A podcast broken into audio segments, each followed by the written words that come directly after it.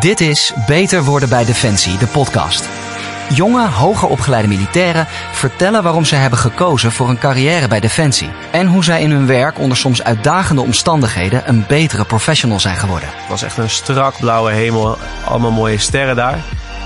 Ja, en daar vierden we eigenlijk het succes van die reis. We waren weer boven water. Dat was zo'n intens moment dat we echt met z'n allen een brok in de keel hadden. dachten, ja, dit hebben we mooi met z'n allen geflikt. Dat soort momenten, ja, die komen soms voor en dat, dat vind ik heel tof. Je luistert naar de podcast Beter worden bij Defensie, waarin we vandaag praten met officier Tom over zijn keuze voor en werkzaamheden als technisch professional bij de Koninklijke Marine. Tom, fijn dat je er bent. Ja, hallo. Um, jij wilde eigenlijk straaljagerpiloot worden, toch? What happened? Ja, dat klopt. Ik denk dat het een beetje een jongensdroom was, die uh, veel mensen hebben. Ja, ik, ik, heb daar, ik ging naar de keuring toe. En na vijf minuten ging ik met de bus weer terug, omdat ik op het allereerste onderdeel al was afgekeurd. Oké. Ja, toen was het voor mij een beetje de vraag, ja, wat nu? Um, je kon nog een keer keuren, dan moest je een jaar wachten. Dus dan zou ik eigenlijk een jaar, ja, een soort tussenjaar moeten doen. En toen hebben mij eigenlijk daar al geadviseerd, ja, je kunt ook gewoon starten met de opleiding. Bij de marine kan dat goed, uh, want daar zoeken ze ook nog uh, helikopterpiloten. Maak je opleiding af en na je opleiding kun je dan alsnog die keuze maken. Ik dacht, nou, dat is een goed idee. Ik wist niet zo goed wat ik met dat jaar wilde doen. Um, ik dacht, nou, dat is dan een mooi pad om alsnog ja, piloot te worden. Ja, het is uh, wat anders gelopen uiteindelijk, maar uh, zo is het begonnen. Ja, het is uh, volgens mij zeker anders gelopen. Ja, nu ben ik, ja, nu vaar ik op een onderzeeboot als technisch officier. Ja, dus in plaats van de hoogte in de diepte in. Het is denk ik heel ander werk. Maar heel erg leuk werk ook. Hoe is het daarna gegaan? Want ja, oké, dat, dat straaljagerverhaal, dat werd hem niet meer.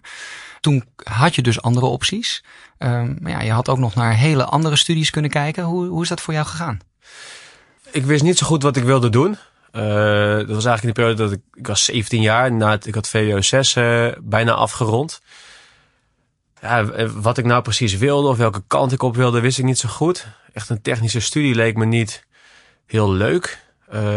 Ik wilde wel iets avontuurlijks doen. Ik wilde ook eigenlijk wel iets met sport of met beweging doen. En Defensie leek me gewoon een hele leuke werkgever. Ik wist niet zo goed welke functie bij Defensie. Maar ik dacht, ik begin gewoon in de, in de opleiding, in de officiersopleiding. Uh, en dan zie ik het daar misschien wel. Ik denk dat ik met die insteek begonnen ben. Ik ben na, uh, dus na het VWO naar het KIM toe gegaan. Dat is de officiersopleiding. Daar heb ik uh, vier jaar gestudeerd en daarna nog twee jaar in Delft. Waar studeer je voor als je de studie doet uh, tot officier? Wat is een officier precies? Waar ben je verantwoordelijk voor bijvoorbeeld? Ja, je bent een leidinggevende uh, binnen de defensieorganisatie.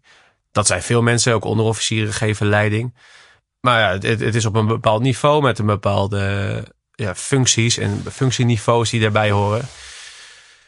Toen ben jij de KIM-opleiding gaan doen, toch? Zei je? Klopt. Hoe was dat voor je? ja, dat, die tijd zou ik zo overdoen. Dat vond ik echt. Uh, ik heb nooit spijt gehad van die keuze om dat te doen.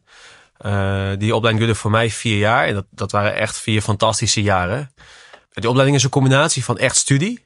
En die studie is best wel pittig. Maar er zit ook heel veel ja, persoonlijke ontwikkeling zit daarin. Hè. Je ontwikkelt jezelf op het gebied van leiding geven, op het gebied van coaching. Je gaat jezelf ook wel een beetje ontdekken. Je gaat je grenzen ontdekken je leert heel veel organisatorische vaardigheden aan. Uh, en daarnaast heb ik daar vrienden voor het leven gemaakt. En dat, uh, ja, dat was echt een waanzinnige tijd. Die zou ik zo over willen doen. Kun je eens een voorbeeld geven van wat er zo waanzinnig aan was? Wat, wat ik heel stimulerend vond, is dat, dat de, ja, er werd eigenlijk verteld: als jij een goed plan hebt om jezelf te ontwikkelen of om iets leuks te doen, ja, ga dat plan dan uitvoeren. En dan helpen wij jou wel nou, toen dat verteld werd, denk ik dat wij binnen een week hadden wij een goed plan. Namelijk, we willen met het uh, Korps Mariniers mee op training voor een week. En daarna willen we de Mont Blanc op. Uh, dus bergtraining gevolgd door het beklimmen van de Mont Blanc. En nog geen acht maanden later stonden wij daar op de top en hadden we die bergtraining afgerond. Alleen maar omdat we dat zelf georganiseerd hadden, omdat we daar zelf uh, alle initiatieven in mochten nemen. Ja, dat soort mogelijkheden die dat gaf toen, ja, dat, dat, daar heb ik echt van genoten. Ja, en dan nu, hè, je zei het eigenlijk al, van hoog in de lucht tot uiteindelijk uh, uh, de diepzee in bij de Koninklijke Marine. Hoe ben je daar zo uh, terechtgekomen? Misschien ben ik een beetje in twijfel komt, maar ook na het Kim wist ik niet zo goed wat ik, wat ik wilde doen. Of ik boven water of onder water wilde varen of in welke functie dan. Uiteindelijk kom je als technisch officier terug voor ja, een technisch leidinggevende functie aan boord van een marineschip. Maar er zit wel wat verschil nog tussen boven water en onder water varen. Uh, het grote verschil is dat je, zoals is het nu vooral ingeregeld, dat je onder water begin je toch echt wel wat meer met lokale kennis opdoen, met ja, wat vervelende klusjes uitvoeren. En daar zag ik in het begin wel tegenop. Ik dacht, ja, wil ik dat wel of wil ik niet liever gewoon ergens anders instromen en wat meer verantwoordelijkheid krijgen in het begin? Maar dat heb ik toch niet gedaan. Ik ben er heel blij omdat ik dat niet gedaan heb. Ik vond het heel leuk om ook ja, op het niveau van de matroos mee te lopen. Te kijken hoe zijn werk is en daar een band mee op te bouwen. En een jaar eigenlijk dat te gaan doen. Echt uh, met je voet in de klei. Uh, waarna je weer wat meer ja, richting leiding geven en management en coaching gaat. Nou, daar heb ik over getwijfeld of ik dat wilde doen. Dat heb ik uiteindelijk gedaan, omdat ja, ook wel weer het avontuur van de onderzeedienst me aantrok. Als wij gaan varen, dan wat we gaan doen, dat is geheim. Daar praten we ook niet over. Ja, dat, dat trok me ergens wel aan. Ook de saamhorigheid binnen die club onderzeedienst. Die kennen daar wat mensen. die gingen op echt wel op een andere manier met elkaar om dan wat ik gewend was bij bovenwatercollega's ja, dat, dat trok mij toen erg aan. En toen? Toen ben ik daar begonnen. En zeven jaar later uh, ja, was ik hoofdtechnische dienst aan boord.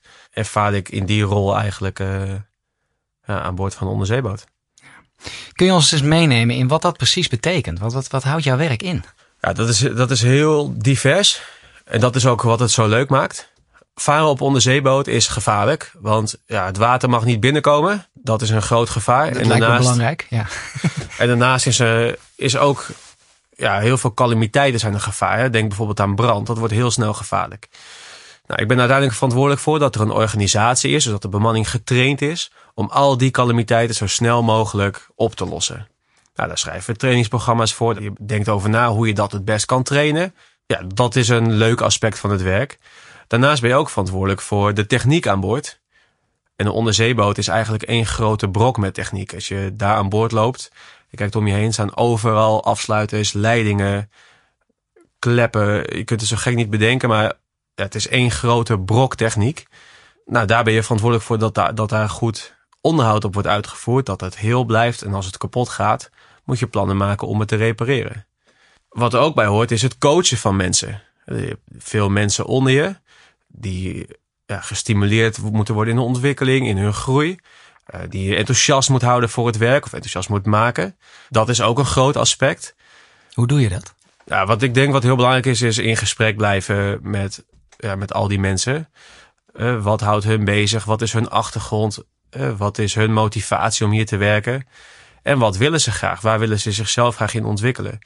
En daar kun je denk ik een grote rol in spelen om ze daarbij te helpen om ze daar gericht over te adviseren of te coachen. Of de opleidingen aan te bieden die, ja, die ze helpen die kant op. Ik denk als je dat doet en daar veel aandacht voor hebt, dat je ze daar ook ja, gemotiveerd mee houdt of krijgt. Ik hoor je zeggen veel verantwoordelijkheid, uh, extra gevaren, risico's. Ik kan me voorstellen dat alles ook nog op een hele kleine ruimte met veel mensen. Vraagt dat ook iets extra's van jou als mens? Ik denk dat, dat dat veel mensen zouden opzien tegen met zoveel mensen. Want we varen vaak met 62 bemanningsleden. En de boot is 68 meter. Dus er blijft niet heel veel ruimte over per persoon. Nee. Ja, ik heb nooit het idee gehad dat, dat het overbevolkt was. Dat, ik, dat die mensen op mijn lip, dat, dat dat vervelend was. Eigenlijk is het altijd leuk als we naar zee gaan. Dat is altijd ook zo'n sfeertje alsof je met z'n allen op vakantie gaat. En er heerst een heel sterk teamgevoel aan boord je praat op een hele persoonlijke manier met elkaar, omdat je, ja, je komt elkaar wel elke dag veel tegen. Dus je kent elkaar ook goed. Je weet ook wat iemand beweegt, of je weet waarom iemand uh, nou, misschien een dag niet lekker in zijn vel zit. En daar kun je dan ook rekening mee houden. Maar ik heb het nooit belastend gevonden dat je met veel mensen op één ruimte zit. Wat het misschien makkelijk maakt, is dat, dat altijd de helft van de boot slaapt en de andere helft werkt. Dus je bent nooit met alle 62 mensen tegelijk aan het rondlopen. Maar wat vraagt het van je als mens om te kunnen opereren in dat soort omstandigheden? Mm, ik denk dat je een teamplayer moet zijn. Dat je misschien wat sociale kenmerken moet hebben. Maar wat ik ook merk is dat er heel veel mensen ja, daar toch wel makkelijk in meegaan. Ook al hebben ze misschien die kenmerken niet. En wat, wat ik daar echt een mooi voorbeeld van vind. ik, ik heb een tijdje geleden zat ik aan boord. En toen was ik helemaal niet zo gemotiveerd meer. En toen vroeg ik aan de matroos. Ik zeg, maar, maar wat vind jij nou zo leuk aan dit werk? Want jij lacht de hele dag. Hij zegt, ja Tom, weet je wat het is? Ik ben op de middelbare school zes jaar gepest. Omdat ik een beetje raar ben. Ja, en hier word ik gewoon behandeld als uh, iedereen. Ja, dat, dat vond ik heel sterk. Ik dacht, ja, dat is echt het kameraadschap wat, wat je bij de onderzeedienst vindt.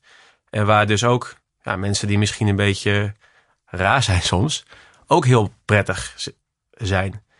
Eigenlijk maken we gebruik van alle kenmerken van iedereen en dat, uh, dat is heel leuk.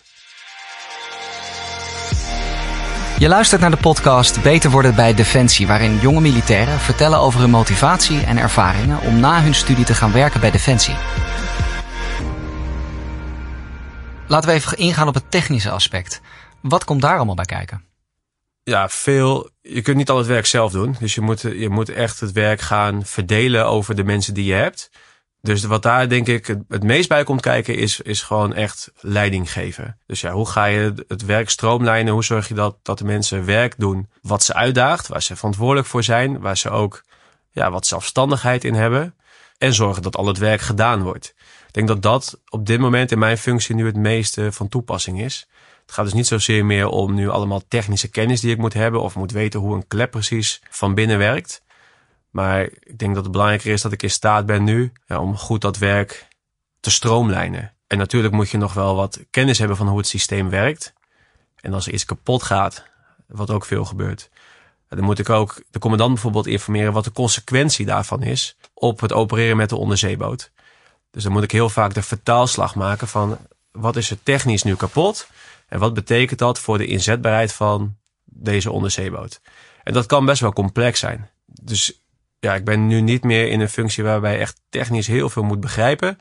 Maar nu meer dat je technische moet vertalen naar ja, wat betekent het nou voor de commandant als hij nou ja, dit systeem niet meer beschikbaar heeft. Hoe ben jij beter geworden in techniek bij Defensie? Ja, door daar veel mee te werken. De eerste jaren aan boord praktisch. Ja, je gaat dan als officier echt zelf dieselmotoren starten. Nou, dat doe je met je auto ook. Dan is een knopje omdraaien. Maar aan boord van een onderzeeboot komt er echt veel meer bij kijken. Dat is ook een knopje. Maar we trainen mensen ook om los van dat knopje alle handelingen die automatisch gaan normaal gesproken met de hand te kunnen doen. Daar moet je echt wel wat kennis van hebben van, van ja, hoe werkt alles in de machinekamer? Waar zitten alle kleppen? Hoe kun je ze allemaal bedienen? En hoe, ja, hoe, hoe werkt dat nou? Hè? Hoe, hoe werkt nou zo'n dieselmotor? Hoe krijgt die gestart? En wat nou als dit niet beschikbaar is? Hoe krijg je het dan alsnog werkend? dat is heel praktisch. Zo ben ik technisch beter geworden.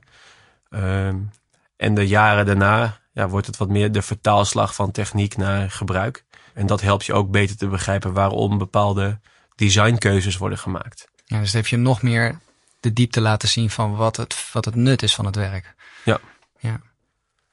Um, er zullen techneuten zitten te luisteren nu, die er misschien over nadenken om bij Defensie te gaan werken.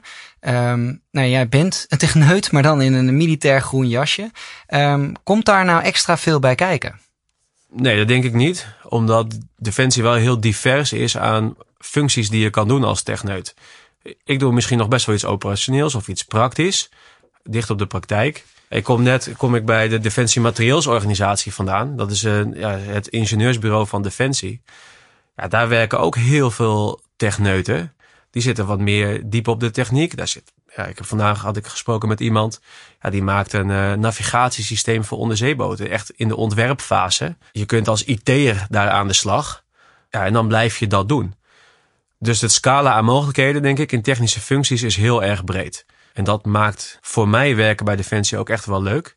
Want ik kan, ik doe nu deze functie, maar ja, je kan ook coach worden of het opleiden van nieuwe officieren op het KIM. Maar ik kan ook een functie gaan doen waarbij ik echt de techniek induik en als engineer aan de slag ga. Of als ICT'er. Je kunt het eigenlijk zo gek niet bedenken, maar ja, die mogelijkheden zijn er wel. Dus je, je kunt echt wisselen van functies en van ja, richtingen waar je jezelf in wil ontwikkelen. Het is dus echt enorm breed. Er wordt je heel veel kansen gegeven. Ja, dat klopt. Dat maakt Defensie denk ik voor mij een interessante werkgever. Misschien ook omdat ik me niet wil binden tot één richting nu al. Dus nu al voor twintig jaar weten dat ik nou, bijvoorbeeld IT'er, eh, ICT'er word. Dat trekt mij niet zo. Maar het lijkt me wel leuk om eens een keertje drie jaar als ICT'er een project te doen. En daarna weer drie jaar coach te worden ergens. Uh, of na te denken over lange termijn onderhoud voor onderzeeboten. Dus het is een heel breed spectrum wat je kan doen. Ja, en ik vind het leuk dat je daaruit kan kiezen eigenlijk. En dat je jezelf op heel veel terreinen kunt ontwikkelen. Er zullen vast van die momenten zijn geweest waarbij ja, de haren overeind gaan staan omdat het zo'n fantastisch moment was of zoiets iets bijzonders wat je hebt meegemaakt. Kun je mij misschien meenemen in een, uh, een dag uit het leven van Tom waarin, uh, waarin er iets onverwachts gebeurde wat je achteraf is bijgebleven? Uh, misschien niet, niet onverwacht, maar we gaan ja, met onderzeeboten ook vaak op operatie. Dan zitten we lang onder water. Dat zijn echt lange, stevige periodes. Ja, ik heb de tweede keer dat ik dat deed, toen zaten we 35 dagen onder water. En was die reis best wel succesvol. Nou, wat dat is, daar praten we bij de onderzeeërs dan niet over. Maar dan komen we, uiteindelijk komen we na zo'n patrouille boven water. We gingen toen met alle officieren naar de brug. En het was echt een strak blauwe hemel. Allemaal mooie sterren daar.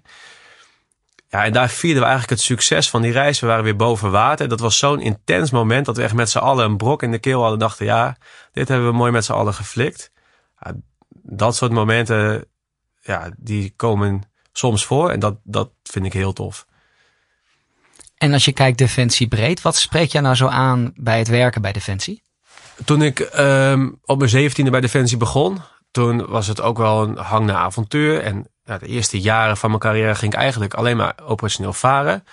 Um, ik zeven jaar achter elkaar gewoon gevaren. Ja, dat vond ik heel leuk. Dat is een beetje het, avontuurlijke. Je komt op heel veel plaatsen over de hele wereld. Um, dit is heel leuk werk. En wat ik, wat ik me nu realiseer, dat realiseerde ik me niet zo goed toen ik 17 was. Maar ook als je wat ouder bent, dan, dan zijn er, is er ook veel geregeld bij Defensie. De periode dat je misschien wat minder vaak weg wilt zijn thuis en het avontuur wel een beetje ja, geweest is, zijn er ook heel veel mogelijkheden om dan wat meer ja, rust te krijgen of op de wal functies uit te voeren. Wat meer in de ondersteuning misschien. Um, ja, op mijn zeventiende dacht ik niet na over kinderen. Maar in deze fase van mijn leven speelt dat wel een rol. Ja, en daar ja, heeft Defensie ook mogelijkheden toe. Wat zou je nog kunnen zeggen tegen de luisteraar die overweegt om bij Defensie te gaan werken? Ja, ik denk dat, dat veel mensen niet weten wat voor, welke mogelijkheden je hebt bij Defensie. Uh, dat had ik in het begin zelf ook niet. Maar ja, je, wat ik zei, je kunt, je kunt heel veel kanten op. Een vriend van mij die is nu loopbaanbegeleider. Ja, die helpt mensen in hun loopbaan. Dat is ook een technisch officier met een technische achtergrond. En daarvoor heeft hij gevaren als technisch officier op een marineschip. Het is zo divers en zo breed. Je hoeft je nergens direct op toe te leggen. Eh, ik denk dat dat heel erg leuk is. Ik denk dat er voor iedereen een plekje is. Als je, ja, als je cyber interessant vindt, dan kun je daar terecht. Als je, als je een ICT'er bent, kun je terecht. Als jij, nou, ik heb zelf lucht- en ruimtevaarttechniek gedaan. Als je, als je daar iets mee wil doen en je wil een systeem ontwikkelen, kun je ook bij Defensie terecht. Ik denk dat dat Defensie heel interessant maakt. Als je twijfelt wat je wil doen. Voor mij was dat ook wel heel makkelijk, want ik twijfelde heel erg en nu kan ik eigenlijk nog steeds alles doen. Ja, en voor mij, ik vind ook de combinatie met sport vind ik heel leuk. Defensie is natuurlijk een werkgever waar sport heel erg gestimuleerd wordt. Daar hou ik ook van. Uh, ja, de ruimte die je daarin krijgt, dat vind ik heel prettig. Tom, hartelijk dank voor dit gesprek. Nou, geen dank. Fijn. Je luisterde naar de podcast Beter worden bij Defensie. Kijk voor meer podcasts en vacatures in jouw vakgebied op werkenbijdefensie.nl.